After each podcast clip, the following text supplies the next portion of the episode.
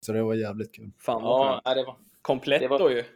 Ja, och det var ju en sån tung match, för vi var ju rätt solklara favoriter har för mig. Liksom. Där skulle vi bara vinna. Ja, ja, precis. precis. Och sen så sen kanske jag inte haft någon... Borås Arena kanske inte varit en favoritarena när det gäller eh, andra matcher med Hammarby eller BP och sådär. Men eh, det funkar. Nej, vi har, haft, vi har haft några tunga segrar mot Hammarby vet jag, i alla fall Mm. 2006. Men spelade du där då? 2006 var jag med. Ja. Det var ju, då ledde tror jag ni serien i början, så vann vi. vi jag tror det stod 0-0 efter 75 och så vann Mm. vi 3-0. Oj. Ja, det kan stämma. Vi hade, vi hade bra... Fram, eh, vi hade en bra höst i eh, det året, 2006. Eh, Mm. Vi slutade väl trea tror jag. Ja, ja, men ni hade bra lag då vet Mm. jag också. Så att det blir... Ska du köra någon intro, eh, eh, Marcus? Ja, du, får det alltid att låta så jävla speciellt, men det är ju att jag bara hälsar gästen välkommen egentligen. Men säger man, är det Pinones Arce eller? Det kan du säga, det är inga problem. Är det, det är fel, eller hur? Det är det. Är det Pinones? Exakt. Är det det? Ja. Jag vet inte, jag vet inte ens om en, jag en, vågar. liten, eh, en med en liten våg över. Ja, precis. Ja. Varmt välkommen till Skillspodden Pablo Pinones Arce.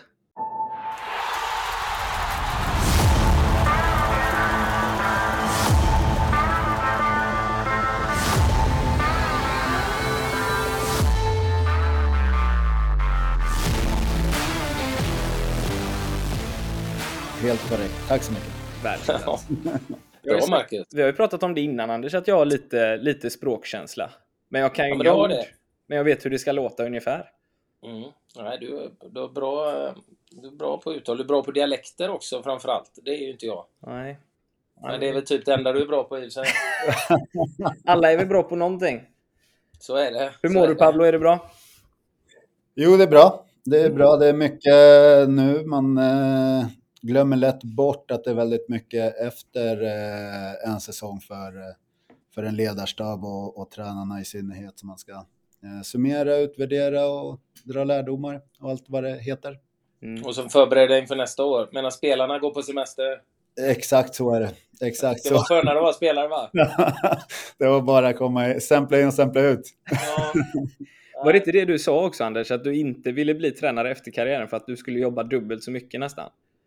Nej, men jag, jag sa ju det liksom som spelare man har gjort det här med helger och kvällar eller liksom för, och liksom jag känner mig färdig med det. Jag trivs väldigt bra med att jobba med fotboll och, och sådär men just att vara tränare då, då blir det ju samma. Man lägger ner ännu mer tid. Man, det är inte som spelare bara dyka upp till träningen och sen åka hem när du är färdig liksom utan det ska förberedas, det ska utvärderas som du sa, liksom planeras. Det är ju... Mm. Det är ju Ja, det är bra otroligt mycket mer än vad, än vad många tror i alla fall. Ja, ja det märker man. Jag hjälper ju Elfsborg. Jag har varit med lite de senaste åren med, med och sitter som bollplank och sådär ibland. Och de, alltså det är ju nästan man jobbar 24-7 liksom. Man har ju det i huvudet hela tiden. Och nu kommer du in en fas där du liksom kan en lite gottare åt en bra säsong hoppas jag, men du måste ändå förbereda inför nästa säsong och liksom planera träning. Spelare försvinner, spelare behöver tas in, flyttas upp och så vidare. Har du, någon, har du skapat dig någon bild av säsongen som var? Ni slutade femma eller? Femma slutar vi och ja, självklart så har vi haft en... Eh, vi har varit igång med utvärderingen ett tag nu. Mm. Eh, jag tycker att det har varit eh, en bra säsong om vi ska, om det ska låta lite formellt så är det väl att vi följer de strategiska målen på det sättet. Sen så önskar man sig alltid mer. Det är svårt, svårt att vara svårt att hitta den här nöjdheten i det man gör när man är Mm. tränare. Man vill hela tiden att det ska bli bättre, att det ska tränas bättre, det ska spelas bättre, spelarna ska utvecklas ännu mer och så vidare. Och så, vidare. så det är svårt att hitta den här känslan att eh, fan vad nöjd jag, jag är över det här. Och det är väl eh, det är väldigt positivt på ett sätt, men det, det tar ju mycket också. Mm. Ja, det som du säger, det, det tar ju mycket energi, men det är också positivt och inte negativt att man inte är nöjd. Man har en passion att sträva att hela tiden göra saker och ting bättre. Och både en själv och liksom som klubb. Och kunna utvecklas och göra det bättre hela tiden. Mm.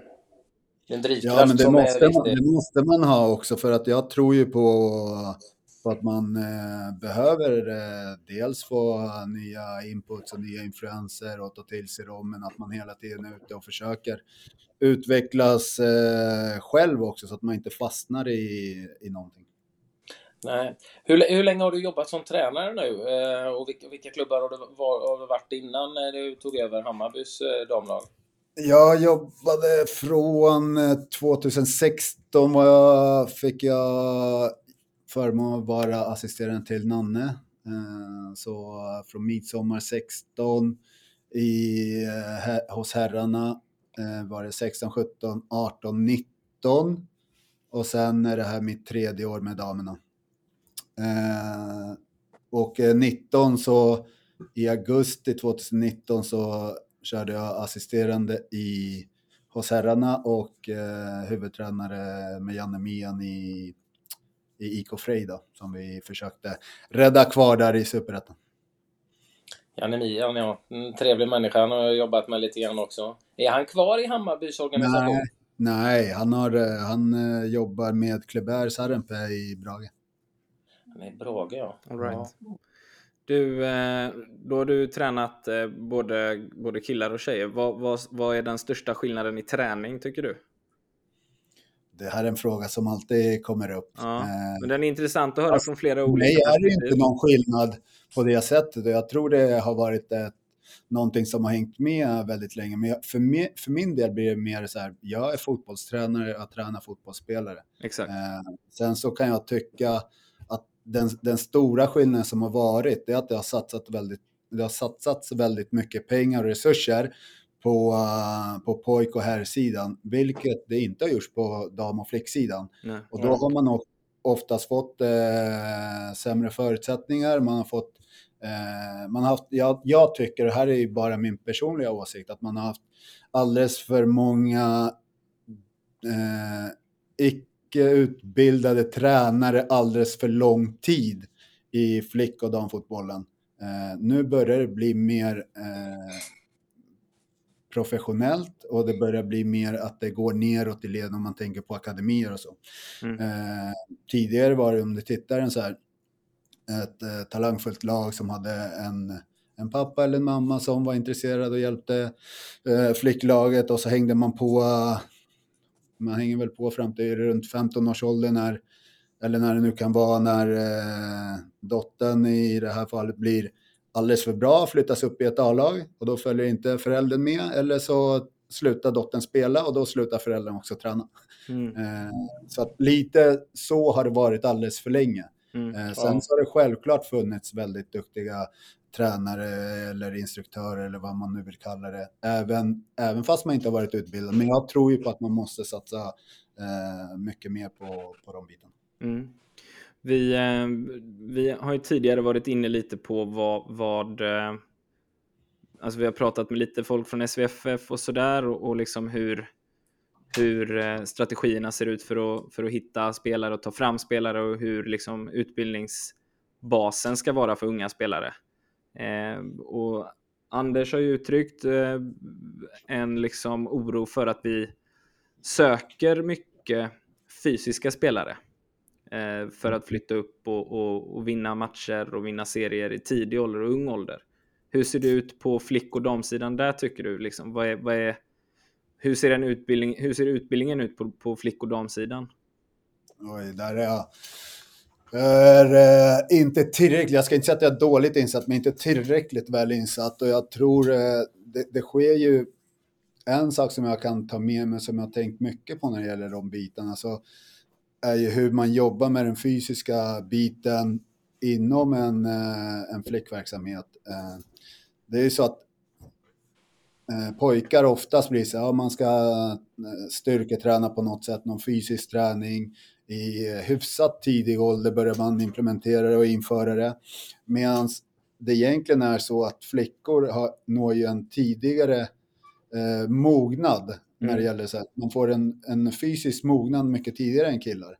Eh, så egentligen borde det ju varit tvärtom att eh, flickor är ju eh, mer de kan ta till sig den träningen tidigare än vad, än vad pojkar har, men vi, det har inte funnits, det är återigen så resurser, man har inte haft eh, man har ju knappt haft eh, heltidsanställda tränare eller spelare och då är det svårt att eh, försöka få in en eh, fystränare eller någon som kan jobba med en plan för hela organisationen när det gäller eh, flickverksamheten. Mm.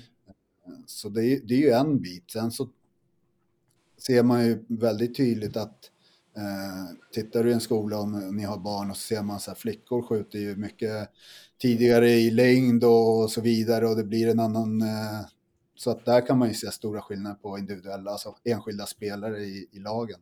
Mm. Men eh, ja, det är mycket möjligt att eh, det är en större eh, aspekt i, i pojkfotbollen och det kan man ju se att det är många lag som, som når eh, eh, framgångar genom fysik. Och det är väl någonting som man försöker komma, komma ifrån. Eh, det finns ju här med Future Team och där man kan hitta och lyfta spelare på, på andra sätt och, och ge dem tid att utvecklas i, i sin takt och med eh, jämnbördig om man ser rent fysiskt. Eh, så det, det, pågår säkert ett, ett väldigt bra jobb där.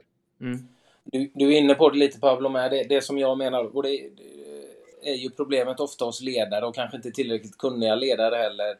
Eh, och många är ju, även är fortfarande i, i eh, många, i alla fall breddklubbar i, i eh, på här sidan med så är det ju många föräldrar som är tränare och kunskapen finns inte. Det blir ju oftast, jag märker det här i Göteborg, att det är ju väldigt många som vill ha kortsiktiga lösningar, liksom att vinna serier när de är 8, 9, 10, 11 år och så vidare. Och där jobbar man ju ofta mycket med liksom att välja de som ligger långt fram fysiskt. Och jag är ju allt för nivåanpassning och det här, men det, det känns som i många, många klubbar här som har så går man efter fysiskt, eh, liksom var man ligger fysiskt och inte tekniskt och spelförståelsemässigt. Vilket gör att man i många fall, om inte det finns bra ledare som kan ta upp dem, tappar de här som kan bli jävligt bra men som kanske ligger lite efter i, i fysisk utveckling. Jag ja. själv var ju en sån som var jävligt liten liksom som spelare. Jag hade ju bra ledare. Jag var ju som, som pushade mig och lyfte fram mig. Men jag var ju aldrig med. Jag var inte ens med på någon uttagning för liksom stadslag eller något sånt. Jag var ju riktigt liten och sådär. Och det jag ju... Det var väl det Marcus var inne på lite grann som jag hävdar liksom att fortfarande det, idag kan jag tycka, att tittar man även i svenska landslaget nu när man testar så det, det, det är väldigt många fysiskt duktiga spelare liksom, som är långt fram fysiskt. Eh, där tycker jag vi ligger efter i svensk fotboll. Eh, man tittar Spanien som jag tittar mycket på. Där de eh, kanske jobbar med att få fram andra egenskaper, värderar andra egenskaper. Eh, vi ska snart ge frågan, eh, den frågan till eh, Pablo. Nej, men det är egentligen ingen fråga med påstående liksom var, var jag står. Jag tyckte att det var så även när jag spelade i landslaget, när jag väl kom med i U21-landslaget och många av de som var med i juniorlandslag och pojklandslag, det var ju inte så här supertekniska lirare allihop, utan det var ju de som klarade det fysiska spelet, löpstarka, kunna täcka ytor, vinna dueller. Men så var det, det genom fort... hela, hela, alla pojkland, alltså genom alla pojklandslag som eh, vi hade så var det ju inte riktigt, riktigt med utrymme för eh, för den, för den typen av spelare som vi pratar om, utan det var ju mycket mer den fysiska, starka eh, modellen som skulle fram hela tiden. Mm. Ja, den där svenska gamla eh, ja, modellen, tror... liksom, hur svenska spelare ska vara, hur man ska klara allting. Liksom, ja, jag tror att det har... spelarna blev ju ofta hämmade, tycker jag. Ja, jag tror att det har mycket med historiken att göra och vilken typ av eh, fotboll och vilken typ av eh, av hur man såg på den typiska svenska spelaren också. Ja. Känslan är ju, eh, ja, inte bara känslan, det är även lite fakta också, men, men eh, känslan är att det blåser ganska positiva vindar kring eh, Bayern i stort ändå va? Eh, jag menar, eh, jag tittade lite och, och, P19 vann SM, F17 vann SM, P17 förlorade finalen men gick ändå dit. P16 kom till semifinal det känns som att det är liksom det är rätt positiva vindar i Bayern överlag. Ja, men det tycker jag. Jag tror att eh, dels eh, har man fått nå, eh, man har fått kontinuitet. Eh, tidigare har det varit eh, eh, tränare som kanske har varit här en kort period i akademierna, eh, speciellt på pojksidan, och sen kunna, eh, sen, för att sen kunna ta steg vidare. jag, tror, jag tror ju mer på att man ska hitta i en drömvärld så tror jag att den eh, nästan eh, en av de bäst betalda tränarna ska vara den som är i de här övergångsfaserna. Och har ett, jobbar med ett lag eller en, ett åldersspann mellan X och Y och så säger man så här, jag är bäst på, på att träna de här, jag vet vad de behöver, jag vet hur jag ska ta dem dit. Och sen så lämnar man över till, till nästa tränare. Och vi har inte den kulturen riktigt här, utan här är det mer ja, andra bitar som ni är inne på. Man, eh, man har inte haft några nå riktiga röda trådar i hur det ska fungera. Jag tycker att eh, oavsett hur, nu är jag inte insatt i hur exakt i hur pojksidan eh, jobbar, men de har ju haft en röd tråd under x antal år som har gett dem eh, eh framgångar och det mm. får man ju liksom bara, bara ta sig hatten eh, för. För att det, det kommer fram spelare och man får framgångar på många olika sätt. Mm. Eh, vår, när vi tittar på akademin på flicksidan så är den ju, jag tror den kan vara sex år gammal eller något liknande, så den är ju väldigt, väldigt ung. Mm. Eh, men återigen, där måste man ju skapa en, en röd tråd, se vad man vill få fram för typ av spelare och vilka spelare ska få, få utrymme och hur, hur jobbar man, vilka typer av ledare rekryterar man och, och så vidare. Så det är, det är en väldigt stor fråga för en klubb att, att jobba med och jag tror det är viktigt att identifiera tidigt vad man vill stå för, för typ av fotboll. Tittar man utanför Sveriges gränser så kan man titta på Nordsjälland som har en väldigt tydlig alltså röd tråd i hur de vill jobba. Och deras mål är ju att försöka vinna danska mästerskapet med 100% egna talanger. Mm. Och då har de ju, det här började de ju för väldigt många år sedan och då, är de, då anser de sig fortfarande vara väldigt unga i sin akademiverksamhet och mm. hur de får fram spelare. Eh, men de får fram väldigt många duktiga och bra spelare, har ett A-lag med eh, en snittålder som är kanske lägst i Europa och, mm. och så vidare. Så att eh, någonting bra gör de där och självklart så gör vi väldigt många bra saker också. Sen om det ska mätas i eh, SM-guld för, eh, för de olika akademiverksamheterna, det vet jag inte, utan jag tycker det borde mätas i hur, vilken typ av spelare man vill få fram och hur, hur jobbar man för att få fram dem?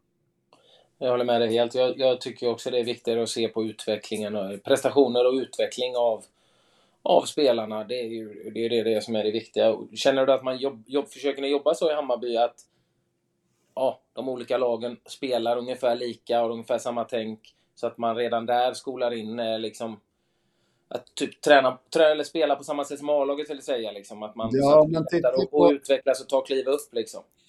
Ja, återigen, så här, jag har inte någon superinsyn i, i, eller kan uttala mig om hur, hur pojk och, och herr eh, jobbar eh, på den biten. Jag kan ju uttala mig om hur jag vill, gärna vill ha det här, vad jag har försökt eh, få fram för idéer när det gäller verksamheten på flicksidan. Och, och det är väldigt tydligt att vi vill eh, jobba åt samma håll och, och att man, eh, jag har ju varit med, vi hade eh, Ida Mbarka här för, eh, för ett och ett halvt år sedan som jag jobbar väldigt nära. Hon är i Malmös organisation nu. Eh, och där bröt vi ner egentligen de idéerna jag hade och hon skulle samtidigt få fram en, en, en mall, det är ju svårt att, är är kanske lite väl att säga, men att man, om vi jobbar med Eh, om vi bortser från formationer, för det tycker jag är, är det minsta man ska prata om när det gäller så. Men om man tittar på så här, vad vill vi spela, vad vill vi spela för typ av fotboll? Hur kan vi eh, bena ner det till små detaljer från det första akademilaget? Ska de jobba med någon slags rotationer? Vi har väldigt många rotationer hos oss. Hur kan vi, de kanske ska lära sig en rotation i första akademiåret och sen kan man plussa på olika delar. De kanske ska jobba med ett sätt att eh, eh, pressa och så finns det olika sätt att ta bort det. Alltså man kan ta bort passningsvägar, man kan ha markeringsinslag, man kan ha och så vidare. Och, så vidare. Eh, och då är det så här, kan man, kan man göra det, alltså en förenklad modell neråt i leden så tror jag att det, det kan bli väldigt tydligt i slutändan. Tar man, eh, om vi går vidare från, eh, från det lite och tittar på eh, individuell träning som har poppat upp de senaste åren. Mm. Eh, det har ju varit väldigt stort i Tyskland i många år, Frankrike i många år, eh, Spanien delvis också. Hur, hur ser du på, på individuell spelarutveckling på, på flick och damsidan idag? Hur ser det ut tycker du och hur funkar det liksom? Jag tycker ju att det kan, det kan ju såklart bli bättre.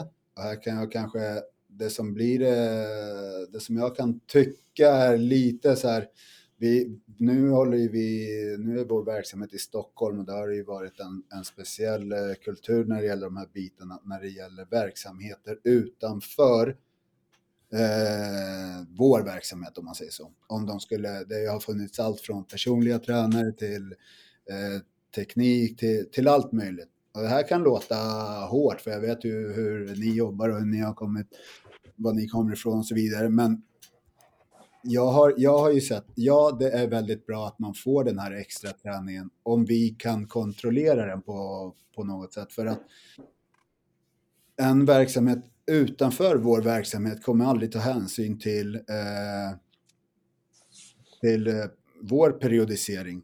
Vi har ju aldrig någon kontakt med den eh, typen av tränare. Vi har ingen, de har ingen insyn i, i vad vi gör, annat än det som spelaren i sig pratar om. Eh, så att hur man lägger upp det, när är rätt läge att träna på det? Eh, hur mycket kan vi göra eh, det själva eh, så att det tillgodoser alla behov och att vi kan fortsätta utveckla dem individuellt. Eh, sen har ju vi en annan, Eh, ett annat tänk här. Vi, vi tänker inte bara på den individuella spelaren, vi måste tänka på hela laget och sen så har man klubben och så vidare och så vidare. Så det är lite jag kan säga att jag är tudelad. Jag har valt att inte eh, ha det så väldigt mycket bland eh, mina spelare. Jag vill helst inte att de ska eh, köra vid sidan av, för jag tycker inte vi kan ha kontroll på det. Och det, det där tycker jag är intressant och det är det största problemet som, i och med att du vet att vi jobbar med individuell eh, teknikträning främst, så, så jag tycker det här är superintressant det du säger. Mm. Och jag förstår, Stockholm ligger ju långt före, i alla fall eh, Göteborg som är med just många individuella aktörer. Och du kan ju ha, ta en klubb, liksom en elitklubb som Hammarby, AIK och någonting och så har du en trupp och så har, du kan ha tio spelare eh, som kör extra vid sidan mm. eh, med tio helt olika. Ja. det är ju helt omöjligt för klubben då att ha koll på, okej okay, vad gör de för belastning när de går och kör den träningen? Ja. Och, det, och det, det, fattar jag, det är ju ett jätteproblem. Det skulle jag liksom, okej, okay, men fan kommer in på måndag så har du kört två timmar på söndagen när du skulle vila. Och Exakt. kommer in och är svintrött på måndagen. Det är ju idioti. Mm. Och det är jättesvårt om man inte har kontroll på det och kontakt med de här. Och det är det jag...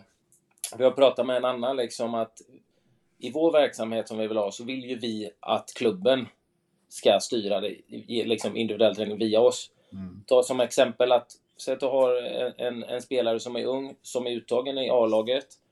Uh, tränar med A-laget, men spelar, säger vi, med flickor 19 eller någonting, eller något sånt där. Men så tränar de på fredagen, det är dagen innan match, och så krockar båda matcherna. Så den spelaren sitter på bänken eh, i A-laget istället för att spela med flickor 19. Mm. Och så får den inte komma in för det blir en sån matchbild. Mm. Och sen kanske det är ledigt söndagen och sen är det första träningen måndagen, kanske i återhämtningsträning eller sådär.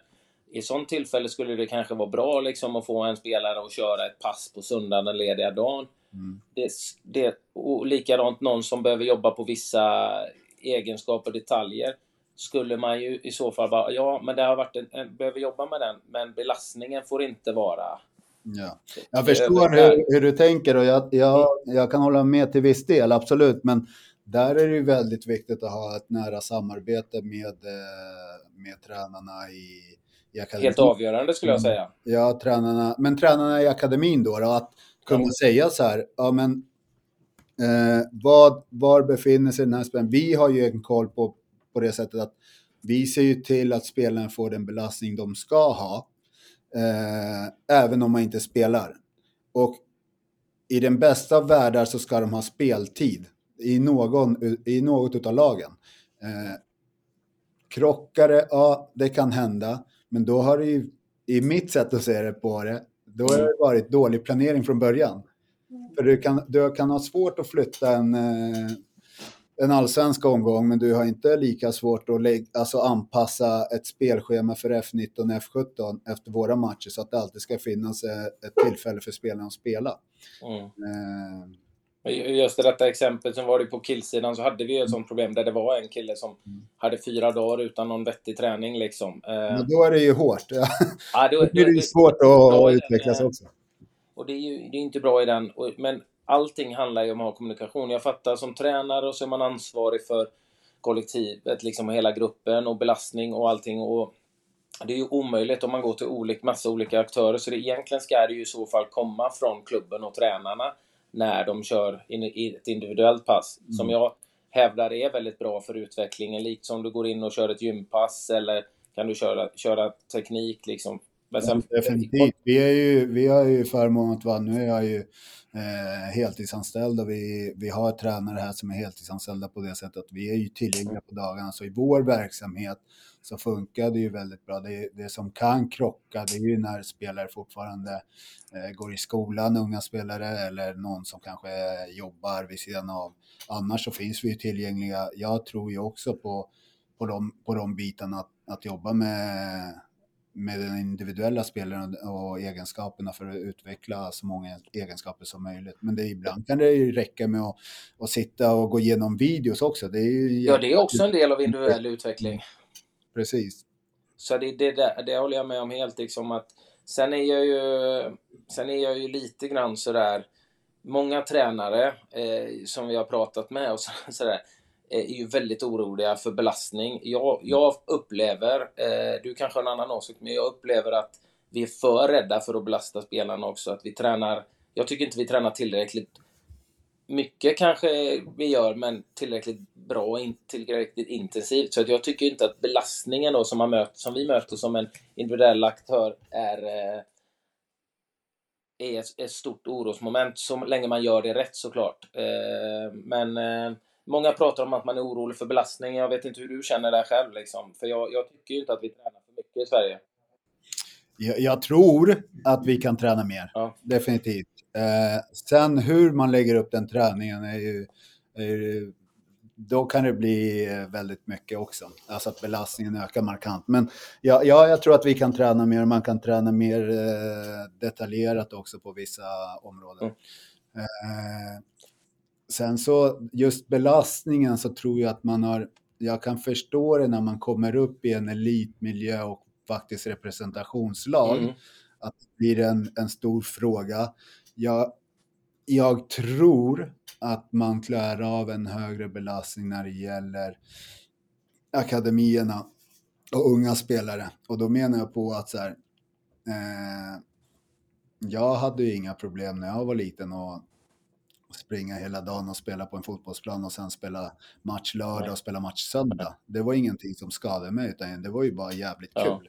Eh, och där har vi kommit lite till den här rädslan som nu infinner sig med, med att belasta spelarna alldeles för mycket. Den kommer ju väldigt mycket genom de här, ja, allt från alla de här olika skolorna som finns eh, ute i, i och utbildningarna, vilken eh, tittar man på taktisk periodisering, tittar man på eh, fysisk periodisering, alltså alla de här bitarna, så här, vilken skola är det som, som sätter standarden ute i fotbollsvärlden just nu och då är det många som hakar på det där och, eh, och, och tar det som en, eh, en sanning som man aldrig får, eh, får rucka på. Nej. Jag är väldigt inne på det du säger så här, många Eh, och det här kommer låta väldigt eh, kaxigt kanske. Eller eh, inte. Det gillar vi. Det gillar vi, ja. Många av de här, många tränare säger oftast så här, ja, man behöver inte vara, man behöver inte eh, vara en häst för att, för att bli jockey. Liksom. Det är vad man oftast får, får höra. Nej, men det du har läst det till, det kan jag faktiskt läsa mig till också. Eller om jag är så pass intresserad och hängiven så kommer jag kunna ta åt mig information och kunna utveckla någonting själv och så vidare. Men oftast kan inte de få det jag har fått genom att vara fotbollsspelare. Nej, exakt. Och där finns det en liten så här, det är lite, och jag säger inte att man måste vara, ha, haft en fotbollskarriär för att vara en duktig tränare, det är inte det jag säger, men det finns vissa bitar som kommer med som är, som man, jag kan nästan känna av där ute på plan, så, det är en sån här, eh, de känns lite så här, eller det är åt det här hållet nu, lite tufft eller lite för enkelt, alltså just de här extra sista touchen, det tror jag, det måste du uppleva själv, eh, Anders, som har eh, varit nära elitmiljöer även, även som ledare. Ja, men det är så. Jag tror ju, det är som du säger, det är inte en garanti att man blir en bra tränare för att man varit eh, en bra spelare. Men, Nej, men, men har du spelat på den nivån som, som både du och jag har gjort så har du ju en, en, en, en liten del av just den här touchen, känslan på plan och saker man har upplevt själv, man har varit där ute som de här otroligt duktiga tränarna som är utbildade och så inte kan komma åt. Och, och, och, där är en viss skillnad. Jag har kanske inte det drivet att eh, plugga och, och jobba med det eh, och nörda ner mig riktigt som, som du har gjort liksom och, jobba med det heltid. Men eh, har man det, jag tror ju att du har en jävla fördel i och med att du har spelat på den nivån med din spelförståelse och liksom läsa av hur spelarna upplever och känns på plan i och med att du har varit där själv på den nivån. Ja. Det, det, där, tror jag, där tror jag du har rätt. Liksom. Man kan relatera till olika situationer Exakt. på ett annat sätt och det är klart, det är ett plus. Jag ser inte det som...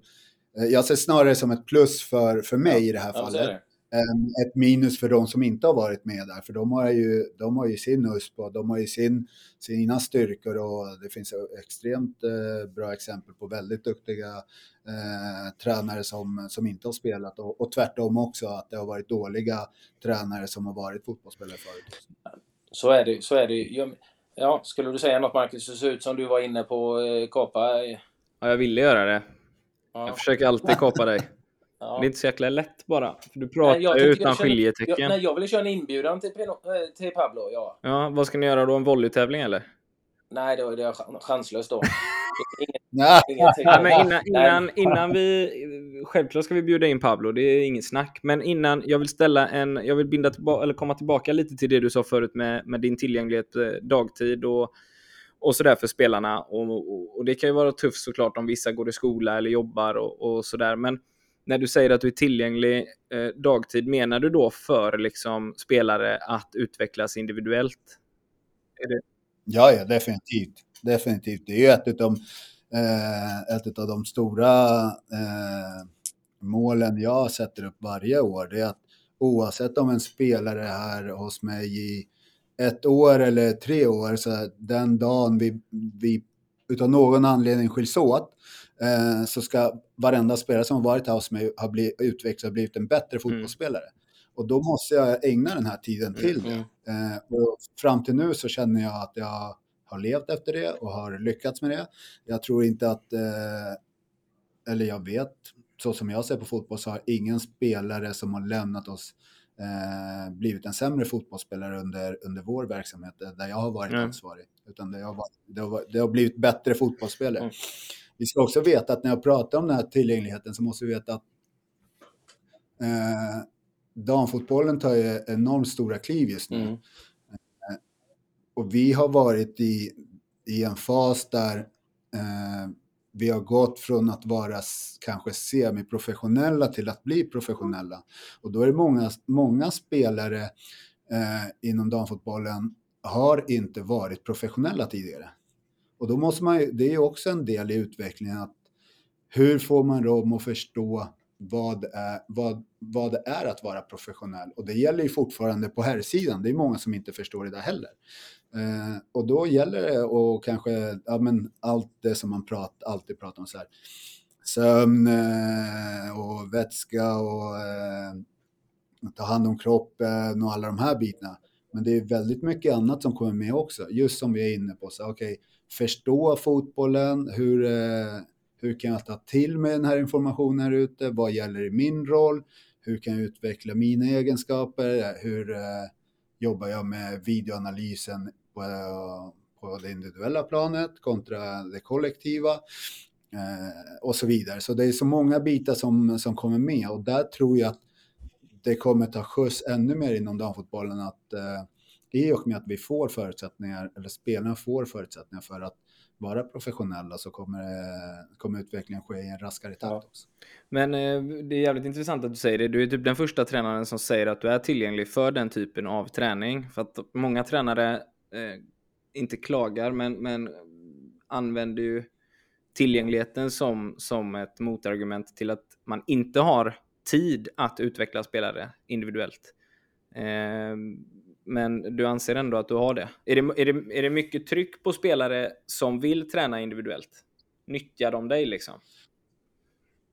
Ja, jag önskar att de hade nyttjat mig mycket mer i det, alltså i och med att vi finns tillgängliga här. Så, så, och, och ibland så tror jag att man nästan måste schemalägga det på, för att eh, få dem att komma in i, i det. På det tror jag också. Uh, uh, men jag, jag är ju här för spelarnas skull. Jag är inte här för min skull. Du ser mig sällan med i poddar, du ser mig sällan eh, i media, du ser mig väldigt sällan eh, dra till mig uppmärksamheten efter matcher eller innan matcher eller något sånt där. Utan för mig är det ju mer ett, eh, ett nödvändigt ont som kommer med tränarskapet, att man ska sköta sig rent, eh, alltså visa sig eh, medialt och, och vara ett ansikte utåt. Men det är ju för spelarna mm. jag är så att det, det är bättre att de får all uppmärksamhet. Så jag, Men känn, det är spelarna som ska utvecklas. Känner du, vad, har, du, har du någon ambition, eh, har du någon dröm som tränare eller någon målbild? Som spelare vill du bli så bra som möjligt. Känner du tränare, vill du gå så långt som möjligt? Liksom, Definitivt, definitivt. Jag sa det från första början. Jag tror eh, jag vet vad, vad vi behöver göra. Jag vet exakt hur jag vill jobba. Jag vet eh, vad jag behöver eh, för förutsättningar. Jag brukar eh, dra den historien när jag väl fick eh, förfrågan så, så var det ju eh, dels eh, i och med att man varit i en klubb länge så, så säger jag inte att man blir eh, tagen för given, men man, eh, om man skulle ha värvat en tränare utifrån, då hade man presenterat på ett sätt. Mm. Eh, är det någon som är inifrån så kanske man tar det lite mer på uppstuds eller vad man kan säga. Och då var det väldigt viktigt för mig att ja, presentera det som om det skulle vara en tränare utifrån. Och så vill jag se vad, vad ni har för ambitioner. Och sen så har jag alltid två krav. Det är så här, 100% i uppbackning, stöd, förtroendet. Det måste finnas där. Eh, och sen så är det förutsättningar för att nå de eh, strategiska målen. Eh, för att om man pratar, man kan se väldigt mycket, alla vill ju vinna. Mm. Men alla kommer inte ha förutsättningar för att vinna. Mm. Sen vet jag mycket väl hur jag jobbar för att utveckla spelarna. Det behöver de inte tveka på. Mm. Hade du, det... på, hade du på något sätt, vi var inne lite på individuell träning innan och du jobbar ju med det. Hade du på något sätt i någon form av liksom drömvärld, någon utopi, hade du kunnat nyttja en utomstående resurs på något sätt? Jag säger inte att det är oss, utan bara en allmän mm. fråga liksom. Nej, jag, jag har varit väldigt äh, stängd mm. för det.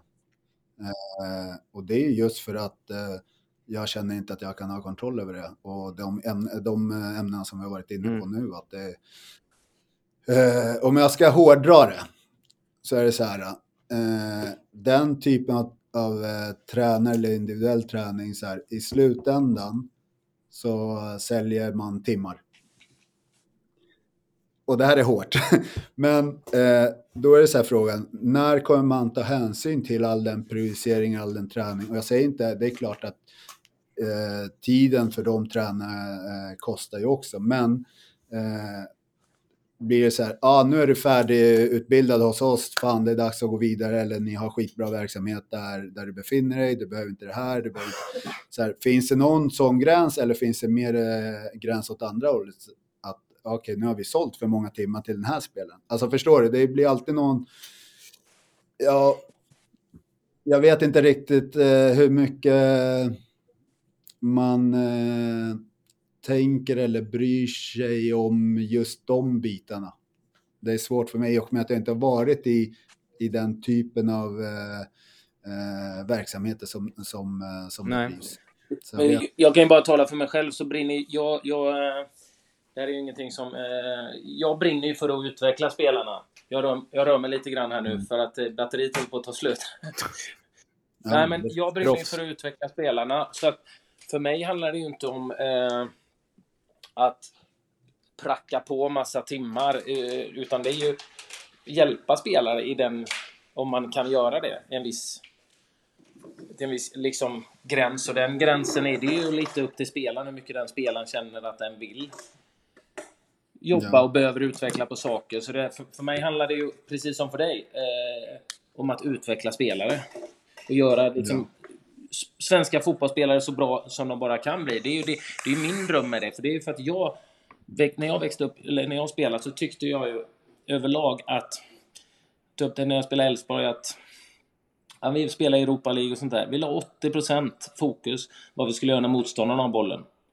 Eh, framförallt när vi spelade i Europa. Och jag Fan, ja, du vet själv, vi spelade i, i, i Spanien, Champions League-kval. Vi hade Ishizaki på ena kanten, Samuel Holmén på andra kanten som var två upcoming som skulle ut i landslaget. Liksom. När vi, de sprang och jagade och täckte ytor. När vi vann boll så, eh, så liksom, ja, visste vi inte vad vi skulle göra, för vi hade ju bara tränat på att försvara. Och jag tycker i svensk fotboll att vi, överlag att vi ligger långt efter övriga Europa just med att veta vad du ska göra av bollen innan du får den. Spela mot Spanien när de var som bäst och det är förebilder för mig, Xavi och dem. Xavi, mm. långsammare, mindre, svagare än mig. Ändå kom jag fan inte åt han. Han visste var han skulle ha bollen hela tiden. Och det har jag ju försökt... Det vill jag ju vara med och hjälpa till att utveckla hos svenska spelare. Det är därför jag eh, Ja, och jag tror... Och, och ni får inte miss, Jag tror att jag har ju sett, eh, jag har ju sett exempel på eh, på spelare som har, som har utvecklats enormt mycket tack vare den här typen av träning mm. som inte sker i, i klubbverksamheten och så. Eh, ja, men jag har däremot också sett väldigt många exempel på det har blivit, och speciellt i Stockholm, mm. har det blivit väldigt mycket så här, eh, ja men det har, det har varit eh, en del skojare som, eh, som ja, och då, då blir det väldigt svårt för mig att, att veta vart drar man gränsen och då är det bättre att säga, nej men vi, vi vill inte ha det på det sättet. Vi vill ha koll på eh, vad som görs och inte görs och eh, vi, vill, vi tror att vi kan få det under vårt paraply i vår verksamhet. Och jag, jag tycker, och jag förstår dig och jag förstår din känsla och det är ju ett problem. Där, för jag håller med, det har varit många som bara vill Ja men fan, ja, men betala 2000 spänn så kör vi två timmar här och så kör jag ett pass och så vill man bara kränga så mycket pengar och timmar som möjligt. Och visst, all träning är bra träning, kanske inte. Men, och då finns det många skojare och då fattar jag att man blir defensivt inställd till det. Det hade jag också blivit. Garanterat. Det var därför jag kommer till den här inbjudningen som jag vill göra till dig. Jag vill bjuda in dig Pablo, mm. men egentligen inte dig. Utan dina spelare. För en, en, sak som störde mig när jag spelade, du sa ju själv att du var eh, ett fysiskt eh, praktexemplar, inte bara tekniskt bra alltså. Du, du, hade allt, inte jag. Nej, men du kommer själv ihåg, du vet, man gjorde de här Coopers test och det var styrketest och sånt där kom ju senare. Underbara tester. Nej, men jag vet, jag gjorde Coopers test. Jag löpa så här länge på en jävla löparbana var inte min grej liksom. Mm. När jojo-testen kom fick jag lite bättre resultat, men Coopers test, ja men du vet, Haglund bara Anders, du kommer in på lördagen, den lediga dagen, för som du löper. Fine, sa jag. Ja, det är fine. Jag kör det. Det är bra. Men då så pekar jag på de här fem ska ju komma in och träna passningsspel då. För de gjorde ju glömma bollen. Och bara, ah, ah, jag var inte världens enklaste. Jag förstår var du är på väg. Jag, jag var inte den enklaste att jobba med. Men, eh, och då sa man, men det kan vi inte testa, det kan vi inte mäta. Och det här har följt med mig någonstans. Och det jag vill göra inbjudan är att vi har nu en process tagit fram, alltså en motsvarighet där du kan testa var du ligger i din touch och spelförståelse och din touch. Hur, hur, var ligger du där? Och vi håller på att samla in data genom att mäta många spelare för att se var man ska ligga. Och jag tycker det är ganska mm. intressant. Jag skulle vilja bjuda in dina spelare och komma och köra. ett... Det tar en halvtimme per spelare. Det är inte säkert, särskilt fysiskt ansträngande bara för att se var de ligger. Och kanske du får massa data av oss där du ser vilka som har bra touch, bra spelförståelse så kan man lägga upp individuell utveckling för dem där. Det är, jag bjuder in dig gratis till att prova dig och dina spelare om du vill. Och så kan du gå in, du kan börja gå in och sätta standard, standarden. Liksom. Ja, du ska ligga precis. så här högt jag, så knäcker du alla. Jag har ingen chans. Vi har uh, fantastiska fotbollsspelare här. Så att, uh, jag ligger långt efter. Ja, men jag, jag, jag tycker det är lite hård... intressant. Ett sånt test har ju aldrig funnits, liksom, att man kan mäta. Nej, det, det, det, hade, det jag tycker jag är intressant. intressant. Vi hade ju ett par de här super, super duktiga spelare från BP, men olika kvalitet. Lukas Bergvall känner du säkert till, som var inne och hade väldigt fin mittfältare i BP, 16 år, som hade väldigt bra första touch. Vi hade en, en jämn gammal kamrat med honom som avgjorde en landskamp, men han hade inte så bra. Han var inte så bekväm med bollen. Han tappade bollen. Han är inte med och levererade en passning innan nästa boll kom och så vidare. Så det är ganska intressant att se styrkor och vad man behöver jobba på. Det, och sen är det ju det, hade varit alltid... kul, eh, det hade varit kul på min tid att haft ett sånt test så man kanske kunde varit bra på något test. Sen om man ska liksom, alltså tittar man på Dortmund så kan vi väl vara brutalt ärliga med varandra och säga att eh, Borussia Dortmund är bättre än vad vi är i Sverige på att ta fram och utveckla fotbollsspelare. Och ja, de har ju helt andra resurser än vad vi har såklart. Men de, Jag har sett deras, eh, deras eh, maskiner tänkte jag säga. Fotboll- Deras, eh, tester, ja, och de precis. mäter ju testar spelare i fotbollnauten hela tiden för att plocka ut moment, egenskaper och förbättringspunkter på alla spelare hela tiden. Ja, de, det var ju så jag kom in på det här innan jag började jobba med, med, med de maskinerna. För jag var inne på att skaffa en sån eh, fotbollnaut, men den kostar ju typ 40-50 miljoner, inte så jävla lätt. Eh, Ja, du, får nog, du får vara med på ett par eh, dansshower. så kan, Anders Svensson, känd från Let's Dance. Ja, tio säsonger i rad nu. Ja, kör på Nej, va. ja, men så är det ju. Så det var ju... Nej, men det var ju så när den här Tokka-maskinen dök upp från USA där, så det, det är ju... Det är, Ja. det är ju, och nu med de här smart targets, alltså de här mål som tänds upp så du kan jobba med samma, samma bitar. Bara att det kostar inte 30-40 miljoner utan det är ju faktiskt tillgängligt för alla spelare. Med, med, med, och det, det, det gillar jag eh, också. Så att, eh, men det är ju intressant Jag var Dortmund. förbi, jag var faktiskt förbi här för två, tre veckor sedan med, med min grabb och skulle hälsa på lite. Jag känner ju vår, vår uh, futsaltränare Ah. Blanco, King Blanco. Eh, jag var där lite snabbt och kollade. Då var det bland annat ett par eh, akademispelare från vår eh, verksamhet där också och körde. Så att, ja, jag var där och, och kikade Mm. lite. Du får komma och prova och se om du kan slå mitt resultat. Jag utmanar dig. Det har jag gjort. Ja, Pablo, det är inget problem. Jag har slått dig också, så det är lugnt. Men... Eh, Ja, Efter 480 försök, ja. ah, det behövdes Du bor ju på den du sidan. tränar, du tränar Ja, dig. exakt. Jag är en träningsprodukt, jag. En lat träningsprodukt. Men vad tror du? Vi har ju varit inne lite på det innan. Alltså, vi, vi har ju själva sett problemen också som finns med individuell fotbollsträning. Liksom. Vi, vi har ju också sett det och vi, vi blundar ju inte för det och vi är inte blinda heller.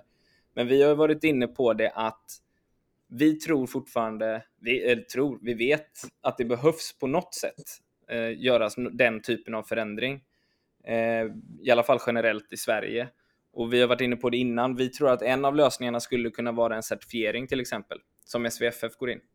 För att få bort eventuella Mm. skojare eller, eller sådär. Eh, plus att man Mm. kan hitta ett tajtare samarbete med klubben. Det behöver ju inte det- vara att en spelare kommer en gång i veckan och tränar stenhårt. Liksom. Utan det där får man ju anpassa till träningsbelastning, eh, matchplanering, alla sådana här saker får man ju anpassa det till. Men jag hävdar Och att det är komple- att det är ett komplement, ja. Och jag hävdar att det kommer vara en enorm resurs för svensk fotboll. Men också det är ett komplement till träningen. För din träningen som ni bedriver är ju liksom... Det är ju liksom kollektiva träningen. Det Det går är ju aldrig grunden till allt. Det är grunden till allt. Men jag skulle ju också vilja ha en relation. Jag skulle ju aldrig vilja köra ett, ett, pass där med någon som inte du har godkänt till exempel. Jag skulle ju vilja ha det, en dialog med dig i sådana fall. Nu är den här spelaren, jag behöver jobba med den här intensiteten på de här bitarna. För det är det, dit man vill komma, men det, det, Jag bryggan tror, är ju att det är svår. dit, jag, tror, eh, jag tror att det är dit ni måste komma. Eh, om jag ska Så är det ju. säga jag tror och tycker det. För att, att ha den dialogen och ha den förståelsen för, eh, för verksamheten och, och, och allt som bedrivs här på plats och sen så eh, se det som ett komplement och, och hjälpa spelaren i, i, i den individuella utvecklingen då måste man komma dit. Man måste ha en förståelse för, för varandra och för vad man egentligen Mm. vill med det. Då fixar vi det. Då löser vi det. Nej, men jag håller med dig helt. Och där är ju ett... Alltså, du är så oprofessionell Anders. Det är helt sjukt. Vi Jag försöker vet. ha en Nu podd kom här. min fru hemma tror jag. Ja. Nej men eh, jag håller med dig och det är, det är ju det som, eh, som är det viktiga. Och det, jag förstår att relationen till det, i och med att man inte har någon kontroll över det och det finns så många olika som kanske är mindre seriösa eh, privata aktörer så är det ju svårt att, Mm. att lita liksom. För man vill ju ha koll på liksom, vad gör spelarna? Kommer de in och vi har en viktig träning här med laget så kommer in, kört två timmar dagen innan och är helt slut i både huvud och kropp liksom. Och så ska man genomföra en träning med laget liksom. Det säger sig självt att det, det Om jag ställer en fråga, om jag ställer en fråga så här då. Varför tror ni inte att fotbollsklubbarna redan har gjort det här och lagt ner resurser, investerat i det här redan nu? Jag tror inte resurserna finns. Nej. Eh, dels har vi inte den här möjligheten med just det som vi jobbar på i alla fall. Jag menar, det finns ju andra bitar med mentala, man, mental individuell utveckling, matchanalys. Där, där har ju klubbar gjort, men just den här extra individuella teknikträningen och jobba som det som jag, som jag brinner för att prata, det, det har inte funnits innan. Det finns ju inte och då, då, den resursen finns ju finns inte hos klubbarna tror jag, eh, att göra det privat. Jo, det är möjligt att man kan bygga sådana studios till exempel, eller ha de maskiner och jobba där, men just nu finns det ju inte någonstans. Eh, och det är ju, finns ju många fördelar med individuell utveckling, för även om du i två, tre tränare och ni är extremt duktiga så har ni 20-25 spelare. Liksom. Det är otroligt svårt att se till alla individers olika behov och frysa en träning och gå in. Här kan du bryta ner i detaljer eh, och gå in på en spelare liksom och, och gå igenom. Så, så den, den möjligheten finns, har ju inte funnits innan. Nej, i och med att det är, oftast är det ju, jag tror att det finns två äh, stora frågor i det. Ett är ju att eh, akademierna i sig inte, som du är inne på, inte har de resurserna. Eh, och där eh, det finns stora resurser så väljs det kanske man prioriterar andra saker. Eh, men det finns ju också ett, en del som bromsar väldigt mycket just den här delen av utvecklingen och det är ju att klubb här i Sverige så har man ju inte eh, träningsfaciliteter på samma sätt som man har utomlands. Nej. Utan du har inte, du har inte Milanello, du har inte det ena och det andra. Alltså det, det, finns, det är ju begränsat. Man har, och har man det bra, då, alltså, då är det är ju klubbar i södra Sverige som har det fantastiskt bra eh, med faciliteter. Men eh, du har inte, oft, oftast har du inte allting samlat på samma ställe. Nej, nej så är det. Speciellt inte i Stockholm. Och hade, hade vi haft, jag tror att det, det kommer komma allt eftersom när man får de här träningsfaciliteterna som är liksom, eh, det här är eh, klubbens träningsanläggning, vi har fem till tio planer, vi har konstgräs, vi har gräs, vi har alla de bitarna. Då är det helt plötsligt så här, ja men du har faktiskt en eh, inomhushall, du har en teknikhall, du har och så vidare. Och där tror, där tror jag verkligen att vi, vi ligger efter i, i Sverige. Ja, så är det ju. Där, och tittar man till, till exempel när jag klev upp i A-laget i Borås, då var det ju till och med så, då hade vi inte ens gym där på träningen, utan vi åkte ju till ett gym i stan liksom. Nu har ju de flesta elitklubbarna, de har ju gym på sin anläggning och sådär. Men det är ju lite samma sak som jag menar här, du, om du vill träna individuell teknikträning så, ja, men mm. de här möjligheterna och resurserna finns inte på anläggning i dagsläget liksom. Som det mm. finns kanske då om du tittar i storklubbarna ute i Europa som kanske har sådana här faciliteter. Dortmund som har en sån här maskin eller bur då som du går. Den har de ju på deras träningsanläggning så spelarna kan ju gå dit istället för att du ska in i gymmet, ja du ska in i fotbollnauten liksom. Men där är vi ju inte nu och då får man ju använda sig av utomstående eh, aktörer och resurser då, som man litar på, som man tror kan hjälpa en. Som man litar på, jag tror det är ett nyckelord alltså. Jag tror att vi mm. måste hitta ett, alltså för att det ska funka så en certifiering är absolut eh, positivt tycker jag. För det hade tagit bort de oseriösa egentligen. Eh, och det hade, det hade liksom gett de seriösa en, en stämpel på att det här faktiskt är bra träning.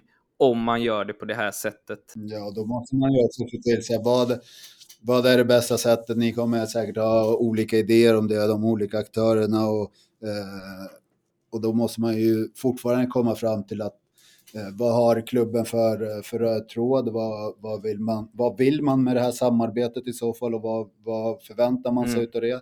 Alltså det är många olika delar i det som jag tror måste sättas på plats innan man ens kan eh, ta det vidare för att att bara hoppa på en sak, nu säger jag det utifrån mig, jag talar inte för klubben eller något sånt, jag säger från min synpunkt, då eh, jag, jag, måste verkligen känna att, eh, att, det här ger mm, någonting.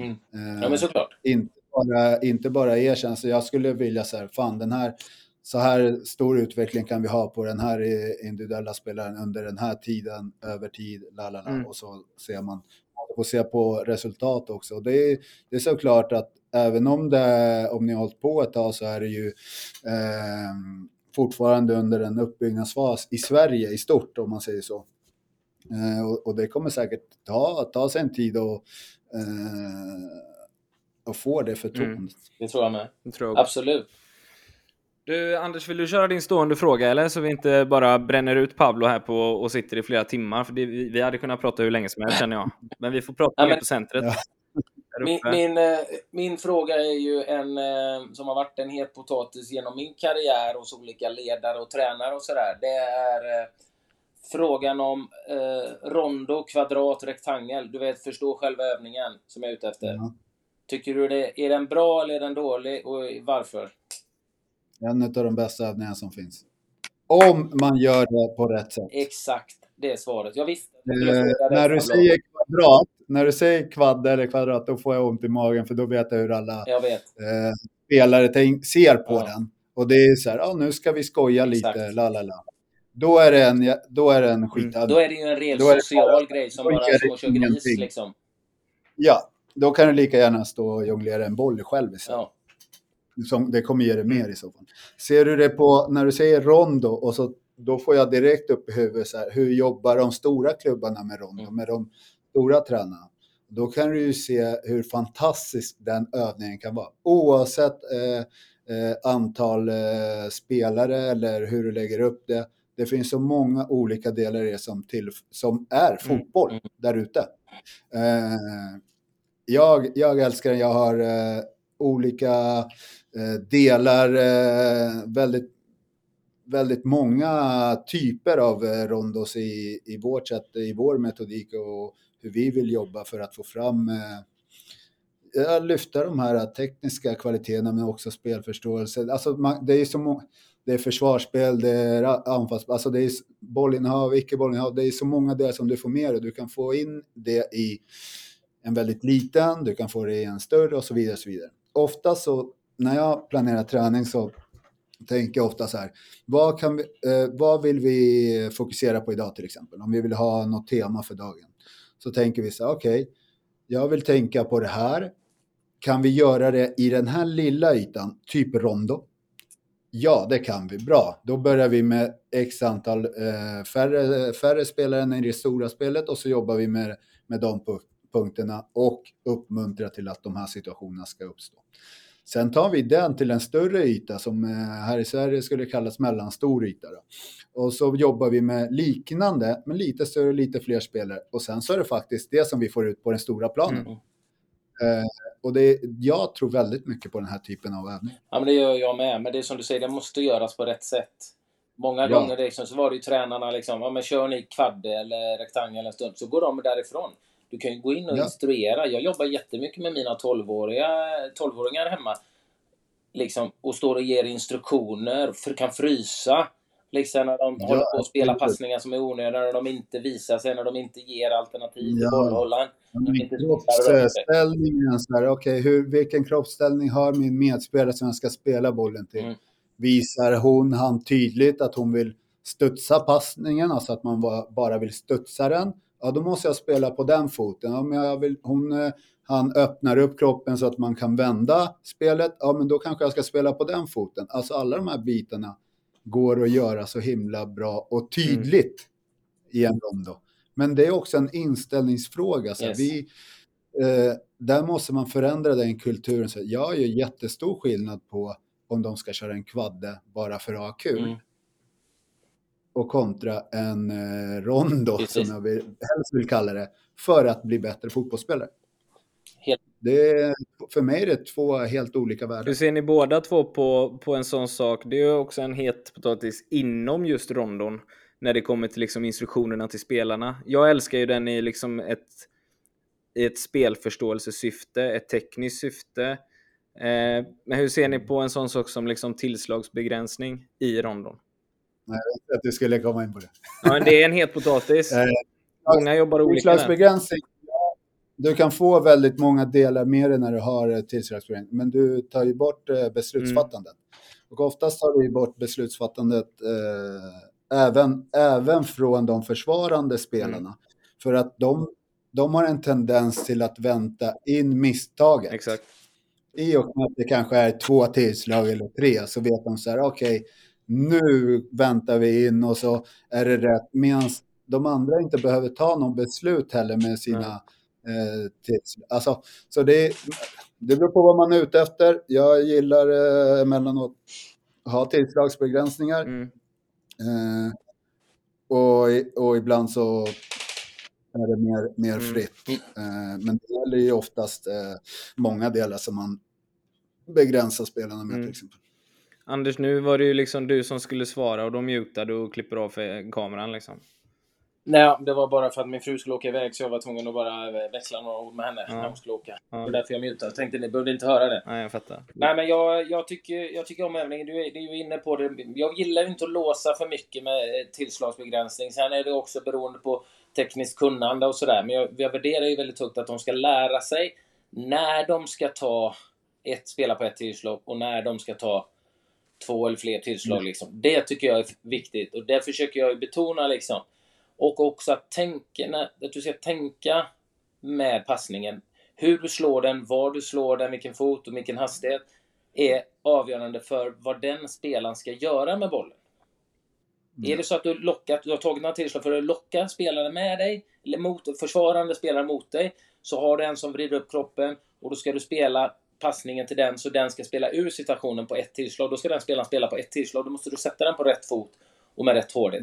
Eh, Så, och ibland ska, vill du ju liksom locka in spelare med fler tillslag för att få, för att få över så att det blir en led yta någon annanstans. Mm. Och då, det blir svårt om du spelar på 1-2. Så blir, Jag, jag kan tycka, jag, ett exempel är ju så som jag funkar när jag spelade. Då ville jag ha, eh, jag, var, jag hade alltid en dialog med, med medspelarna såklart, att jag ville ha hårda passningar. För ger du mig en hård passning så kommer jag kunna avgöra vad jag, vad, vad jag ska göra med den. Eh, en lös passning kommer jag oftast, oftast vara pre, eh, mer pressad i. Så en hård passning, då vet jag så här, okej, nu kan jag trycka den vidare på ett tillslag, nu kan jag ta emot den, nu kan jag hålla ifrån, nu kan jag göra det ena andra. Men en lös passning, då blir det, oh, måste jag möta den, vart eh, kommer spelaren vara nära, kommer inte vara spe, eh, spela nära, hur kommer nästa passning se ut? Så jag var ju väldigt mån om att få, som anfallare och speciellt när jag var felvänd, ge mig hård Mm. passning. Eh, och det är också en bit man kan jobba med att variera i en rond också. Så här, nu, nu måste vi trycka Mm. passningar. Eh, det, det är ju en av de stora skillnaderna när vi, när vi ser det tekniska genomförandet eh, när det gäller eh, tillslaget och passningar. Att man måste, för att driva utvecklingen framåt, våga sätta de här hårda passningarna. Titta, jag hade en vän som var och tittade på Bayern München träna. Och han sa, Pablo, de är, det är fantastiska fotbollsspelare, absolut. Men den stora skillnaden, alltså passningarna, det var Mm. som skott. Det var som skott, alltså de gick stenhårt på varandra. Pang, pang, pang. Och det var ett, två tillslag eller vad det var, men de satte hårda Mm. passningar. Det bara smäller i foten liksom. Ja. Ja, ja. Nej, intressant, intressant. Har du någonting mer Anders, eller har du någonting mer Pablo som ni vill ta upp? Nej, jag tänkte, det är lugnt för mig. Det är ni som tar upp Ja, exakt. Annars tänkte jag ta fredag och för mig så innebär det att klippa podd. För Anders så innebär det att eh, det är pyjamasbyxor och soffhäng. Och för dig De är är redan det på, träning eller? De är redan på kompis. Visst är det bra. Nej, jag sitter här med, jag ska sätta mig med eh, staben och gå igenom Ja, lite saker. Så lite jobb. Eh, Ser fram emot Pablo och eh, få dig i centret och, och visa upp din eh, touch och sen eh, köra test med dina spelare och se om de kan eh, leva upp till din eh, teknik eller om de har en del att jobba på. Ja, de har bättre teknik. tror jag. Vi får se. Det är. Ja, det är bra. Tack så jättemycket. Stort tack för att du var med. Pablo! vi hörs. Tack. Ta hand om er. Ha en god helg! Hej. Hej.